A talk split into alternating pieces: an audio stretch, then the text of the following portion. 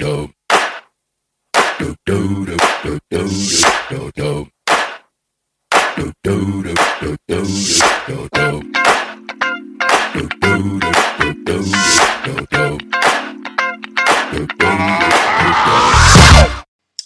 mijn naam is Jaldara. Hallo, mijn naam is Briant wij zijn van Briant en Jaldara.com. We zijn transformatiecoach en we zijn de designers van My Miracle Mastermind. En vandaag gaan we het hebben over loyaliteit in de familiesfeer, in familieverbanden.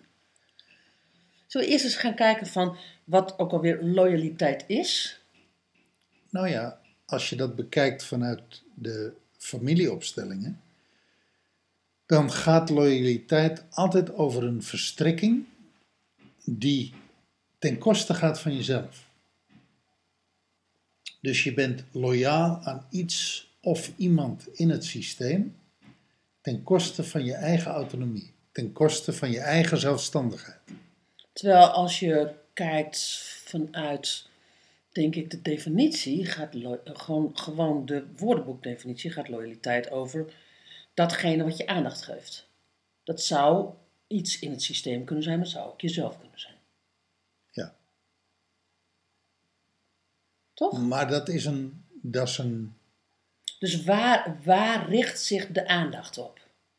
ja, De- als je dat als algemene definitie hebt, dan kom je ook bij het systemische werk, bij familieopstelling, dat je gelijk al ziet, ligt jouw aandacht in het familiesysteem, achter het ouderlijk gezin, of zit het in het ouderlijk gezin, of zit het gewoon misschien wel volledig bij jezelf? Nou ja, dat, dat volledig bij jezelf. Hè? Dat, dat in je autonomie staan en loyaal zijn aan je eigen waarden, aan je eigen wensen, loyaal zijn aan je eigen geluk, loyaal zijn aan je eigen welbevinden. Er zijn maar weinig mensen die dat gegeven is zonder dat ze zich hebben moeten bevrijden uit die loyaliteit naar het gezin toe, naar Nou het gezinssysteem. Ja, want er is, zit natuurlijk ook gewoon bij loyaliteit, is natuurlijk de tegenhanger is, als je loyaal bent, is de tegenhanger dat je disloyaal bent. En daar zit het hem. En daar zit het hem in. De angst om disloyaal te zijn, de angst om uitgestoten te worden, de angst om eh, verstoten te worden, de angst om afge- afgekeurd te worden er niet bij horen. Ja, er niet bij horen. Ja. Die, is voor, eh, die is voor menigeen zo groot en zo eh, aanwezig dat ze zich conformeren aan de loyaliteit en daar ook in blijven. Waarom is loyaliteit in familieverband een belangrijk onderwerp? Nou, omdat het een thema is wat in iedere familie speelt. Je komt het eigenlijk in iedere familie tegen. En eh, dat is een persoonlijke mening, maar dat, ik zie dat eigenlijk in de praktijk.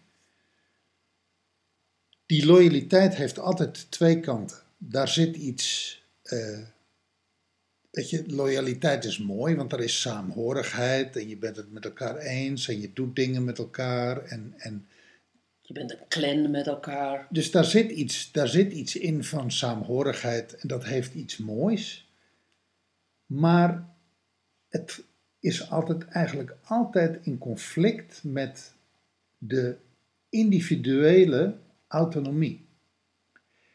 En op het moment dat een individu zegt, weet je wel, ik wil niet langer me conformeren aan de regels en ik wil me niet langer conformeren aan de loyaliteit, dus ik ga mijn eigen weg. Ik heb andere behoeftes. Ik heb andere behoeftes, ik heb andere wensen, ik wil andere dingen doen. Dan zul je zien dat in heel veel systemen, in gezinssystemen, in familieverbanden, dat daar iets van gevonden wordt. Dat daar, eh, nou ja, afkeuring plaatsvindt en zelfs uitstoting plaatsvindt. Ja, maar als we dat nou eens voor de luisteraar die dit, die dit thema helemaal niet gewend is, hè? Als we dat nou eens in behapbare voorbeelden kunnen noemen. Ja. Bijvoorbeeld, eh, ik ben een boerendochter en ehm, Ik ben een bepaald soort boerendochter die ook met een boer moest gaan trouwen. Er werd met mij vroeger rondgereden. Eh, In de auto ehm, eh, reden wij door de omgeving. Jouw moeder en jij. Nee, mijn, mijn vader en moeder. En mijn moeder, die wees dan aan wat goede boeren waren. Ehm, en daar, daar was een bepaalde methodiek voor. Kandidaten. Ja, eh, daarmee dus kandidaten. waar ik eventueel op kon letten. Dat is echt serieus waar.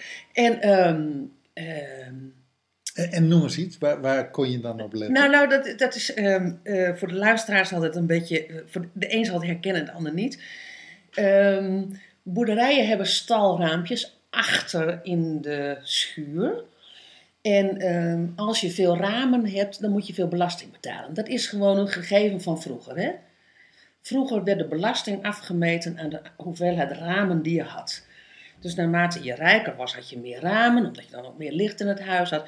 Betaalde je dus ook meer belasting. Dus zo zie je dus ook dat bepaalde boerderijen, dat de raampjes dicht ge- gemaakt zijn. Daar was dus ook wat minder geld.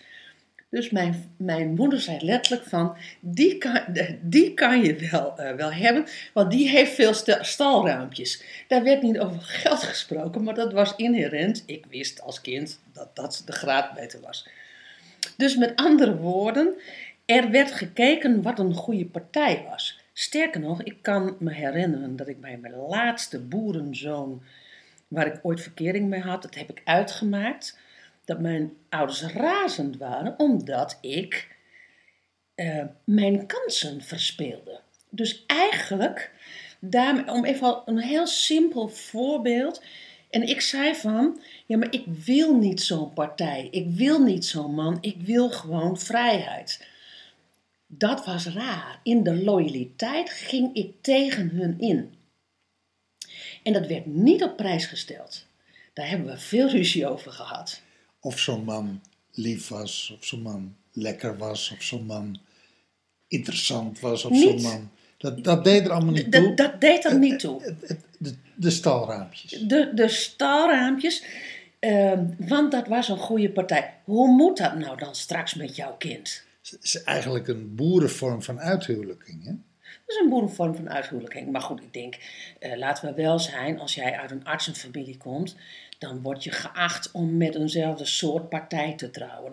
Als je uit een arbeidersfamilie komt, word je waarschijnlijk word je niet 1, 2, 3 geacht met een hele goede pa- partij in huis te komen. Want dat hoort ook weer niet bij ons soort volk, om het even op zijn Gronings te Oh, zeggen. dat is, dat is leuk. Ik heb ooit een vriendinnetje gehad. eh, en die maakten het uit omdat er vader en moeder vonden dat ik. eh, ja, ik kwam uit een, milieu, een ander milieu. En in dit geval een, een, een beter milieu. En eh, dat ging allemaal niet werken. Dat was voor die, dat was voor die dochter niet. eh, nee, ik was niet de goede partij, want dat zou alleen maar ellende opleveren. Nou, dat heb je natuurlijk ook bij geloven, hè? gereformeerd en katholiek en ehm, katholiek en moslim. Weet je, maakt eigenlijk allemaal niet uit. Waar, dat zijn eigenlijk hele simpele voorbeelden waarin je, waarin denk ik iedere luisteraar zich kan voorstellen dat als je vanuit een bepaalde achtergrond eh, iets anders inbrengt, dat, dat ze zeggen van, maar zo doen wij dat hier niet. En dan kom je direct in een loyaliteitsconflict. En dat is eigenlijk nog de simpelste manier. Als je dat op alle fronten van je leven doet, dan kom je ergens, raak je ergens, ehm, eh, raak je op een punt dat jij ehm, misschien wel gaat kiezen voor jezelf en gaat kiezen tegen misschien wel het gezin. Nou ja, om even bij jou te blijven. Als ik als buitenstaander kijk naar jouw reis. Om hem even de verstrikking versus de eh, eh, autonomie, om die reis even, Ja, even te ja. schetsen. Dan ben je eigenlijk vanaf de ritten, de stalraampjesritten zal ik maar zeggen, Ja? tot nu digitale nomade zijn Op Kreta. dan heb je eigenlijk je leven lang alles gedaan wat voor jouw moeder, jouw vader is al, is al langer overleden, ik heb hem helaas nooit gekend, maar voor, wat voor jouw moeder een gruwel is. Ja. Ook dit digitale zwerversbestaan is voor, hen toch een, is, is voor jouw moeder toch een absolute gruwel. Ja, ja zij zei laatst ook van ehm, eh, ehm, dat, ik, dat wij landlopers waren. Nou, als je dan vanuit het boerenachtergrond kijkt, dan is landlopers is weer het ergste wat je weer te- kan, is weer het laagste wat je weer kan tegenkomen. Marskramer. Dus, ja. dus kortom, ehm, weet je, en dat bedoelt ze, dat bedoelt ze vast niet zo, ehm, want in die zin eh, houden we ook van elkaar. Dat bedoelt ze vast niet zo extreem, misschien wel als dat ze het zegt. En tegelijkertijd, dat zie je ook bij loyaliteit, dat de ander niet kan begrijpen wat je doet. En zij kan niet begrijpen dat je, ehm, dat je in haar ogen dat onzekere bestaan zo, zo, zo, zo prettig vindt. En dat je het prettig vindt dat je ergens anders woont, bij andere culturen, et cetera. Maar dat zit ook wel in dat loyaliteit van dat de ander jou niet begrijpt. Ja, of, of falikant tegen je is, of Ja, maar ook een vorm natuurlijk van begrijpen. Of het hè? totaal niet met je eens is, want zo uit het zich. En, en dat kan leiden tot de meest eh, vreselijke familiefetes en familieruzies. Dus waar het eigenlijk op neerkomt is eh, het kiezen voor jezelf, het kiezen voor je autonomie en het ingebonden zijn in de loyaliteit van het familiesysteem. Dat is altijd met elkaar, staat altijd met elkaar op gespannen voet. Dat staat altijd met elkaar op gespannen voet. Je moet ergens. ehm, nou ja, weet je, je komt op het punt van. ehm, durf ik voor mezelf te kiezen? Je ziet dat bij gescheiden gezinnen, zie je dat ook zo, zo heftig. Ehm, waarin de ene, de ene ouder vaak meer loyaliteit opeist als de ander. Ja, Dat is, een, dat, is een, ehm, dat is niet altijd een bewust, bewust verhaal, maar dat is wel wat er onbewust vaak gebeurt. De underdog-partij krijgt van de kinderen vaak meer de loyaliteit als de, als de, eh, de dader kan, de, de, de dader Nou ja, ehm, het- ouder, zeg maar. het wordt heel vaak in, in dat soort termen en in dat, het- laten we zeggen, de waterscheiding, eh, die zie je ontstaan in dat soort termen. De dader en de slachtoffer. Ja, maar, nou, maar ik zeg hem ook dus expres ook voor de luisteraar om hem dus ook te herkennen. Maar, dat wil, maar wat je ook binnen, wat je met name bij die scheidingsloyaliteit ziet, is dat er heel vaak niet helder wordt gekeken naar wat de realiteit is.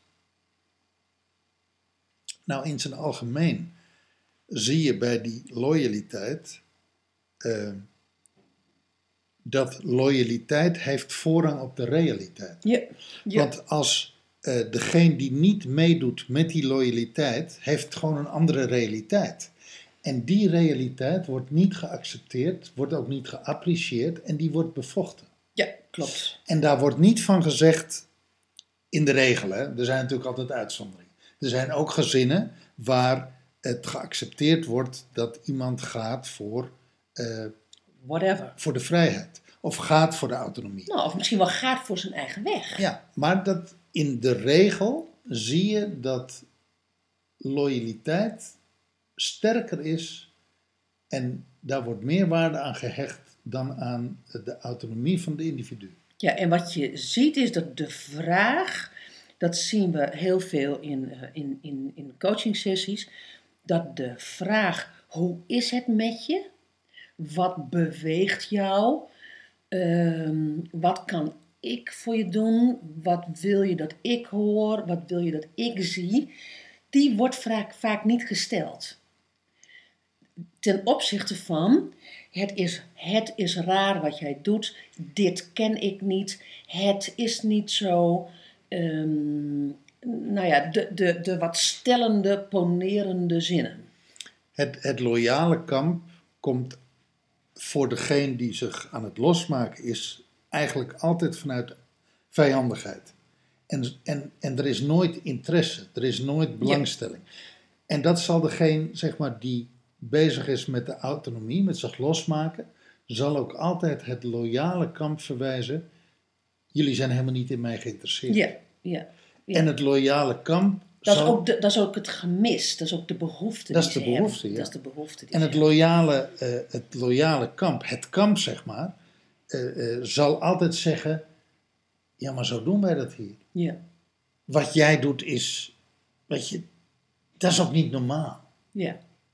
Het oprecht geïnteresseerd zijn, daar ligt de behoefte van degene die, die bezig is zich te ontworstelen aan de, aan de bijna wat ziekelijke, wat overdreven loyaliteit, is eigenlijk helemaal niet uit op, op scheuring, is eigenlijk alleen maar uit op zie mij, hoor mij.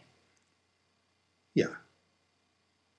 Herken en erken. Ja, ja, En in die zin kun je ook zeggen dat, dat loyaliteit ook een vorm van onderdrukking is. Van een vorm van je eronder houden. Dat is, dat is de uiterste andere kant van het spectrum. Los van de warmte en de liefde en, en het mooie van loyaliteit en samenhorigheid. De warmte. Nou het gezellige, de gezelligheid. Je- De, de, het, het je verbonden voelen, het ergens bij horen. Dat is, de, dat, is het, dat is de mooie kant van loyaliteit. Maar de minder mooie kant, andere kant van het spectrum, is toch echt, eh, nou ja, Je kan het, volgens mij kan je het vergelijken met een flow in, een- in, in het potje. Je doet een paar keer de deksel erop en vervolgens kan je gewoon de deksel eraf halen, maar die flow gaat er niet uit. nee, want die is gewend niet hoger te springen dan de deksel. Precies, nee maar, nee, maar dat is typisch loyaliteit. Dus je krijgt een paar keer krijg je de, de, de knip op de neus. En, en dat krijg je dusdanig vaak. En als je erbij wil horen, dan kan de knip op de neus kan weg. Want je weet gewoon wat, wat de standaards zijn, om het maar even zo te zeggen. Ja. Je weet wat de, wat de norm is. Ja. Wat, ehm, Nou ja, weet je, en uitgestoten en verstoten worden, eh, er is maar een enkeling die dat aandurft en ook een enkeling die dat aan kan. Want het is ook heel pijnlijk. Dat, dat, dat heeft een heel pijnlijke kant. Het heeft een hele rauwe, rauwe, pijnlijke kant. Ja. En het is, ook niet, het is ook niet de vraag of je uitgestoten wil worden. Het is gewoon, wat de, die verstoting vindt op een gegeven moment plaats. Nou ja, dat is het gevolg van Ja. jouw autonoom willen zijn. Ja, ja, ja. Nou, En dat is wel een dilemma waar iedereen die bezig is met persoonlijke ontwikkeling en die zich Ja. Losmaakt van, de, van de achtergrond, dat is een dilemma wat iedereen in meerdere of mindere mate zal tegenkomen. ja, en ook, En, en ook mee worstelt. en ook iedere keer tegen zal komen. Bij iedere keer opnieuw als je een stap verder gaat. Ja. Van, en dan, want het heeft dan niet alleen iets met familie te maken, het heeft ook iets met vrienden te maken. Hè? Het heeft eigenlijk met, met, met, met alles wie je tegenkomt te maken. In dit geval hebben we het over familie. Maar je komt het voortdurend tegen bij iedere stap die je werkelijk maakt. Ja. Van tot zover kon het nog, maar als ik dit doe, dan puntje, puntje, puntje. En eigenlijk, en dan blijkt of het wel of niet zo is, en dan kom je het bij de volgende weer tegen. En eigenlijk is degene die, die voor autonomie gaat, die is daar altijd mee bezig, terwijl de rest gewoon comfortabel soms op de bank zit. Nou ja, Daar helemaal niet mee bezig is. die hebben het voor elkaar. Die, die, die hebben het goed met elkaar. Dus weet je, wat doe je nou moeilijk? Ja, die, Ja. Hebben, die hebben met elkaar gewoon een norm geschapen. Ja. Wat, ehm, wat raad jij mensen aan die in deze reis ehm, van familiesfeer ehm, naar autonomie gaan? Wat mij heel erg heeft geholpen en eigenlijk nog steeds helpt. Want dit is ook, eh, wat we hier beschrijven, is voor een heel groot deel ook mijn persoonlijke reis in mijn familie en mijn gezin. Ehm, wat mij voortdurend helpt, heel erg heeft geholpen en ook nog steeds helpt, zijn familieopstellingen. En doorbraaksessies. De doorbraaksessies die, wij, die jij en ik doen. Dat, dat, voor mij is dat echt eh, onontbeerlijk. Maar leg eens uit waarom dat, dat je helpt. Je hoeft niet uit te leggen wat er dan gebeurt, maar wa- wat help je dan? dat geeft me eigenlijk voortdurend inzicht in wie is er hier nou eigenlijk gek? Ik of de ander? Laat ik het zo zeggen. Ik, dat, dat wie is er hier gek is natuurlijk een waardeoordeel. Maar eh, op het moment dat ik me bewust ben van op een systemische manier kijk naar loyaliteit en naar wat mij bindt en wat mij tegenhoudt en wat mij beweegt en wat de ander beweegt, dan wordt het voor mij inzichtelijk. En dat is eigenlijk wat, wat familieopstellingen mij geven: inzicht. En vanuit inzicht kan je kiezen. Want het hoeft natuurlijk niet altijd zo te zijn, dat weten wij ook, als facilitator ehm, en ook als deelnemer van fa- familieopstellingen, dat je de loyaliteit breekt. Soms kies je er ook bewust voor dat je zegt van, oké, ik kan dat nu niet aan. En ik ga dat nu niet doen. Maar dat kan je, die keuze kan je eigenlijk alleen maar maken als je inzicht hebt in de loyaliteit van familiebetrekkingen. Het, het maakt het echt stukken makkelijker. Ja. Laat ik het zo zeggen.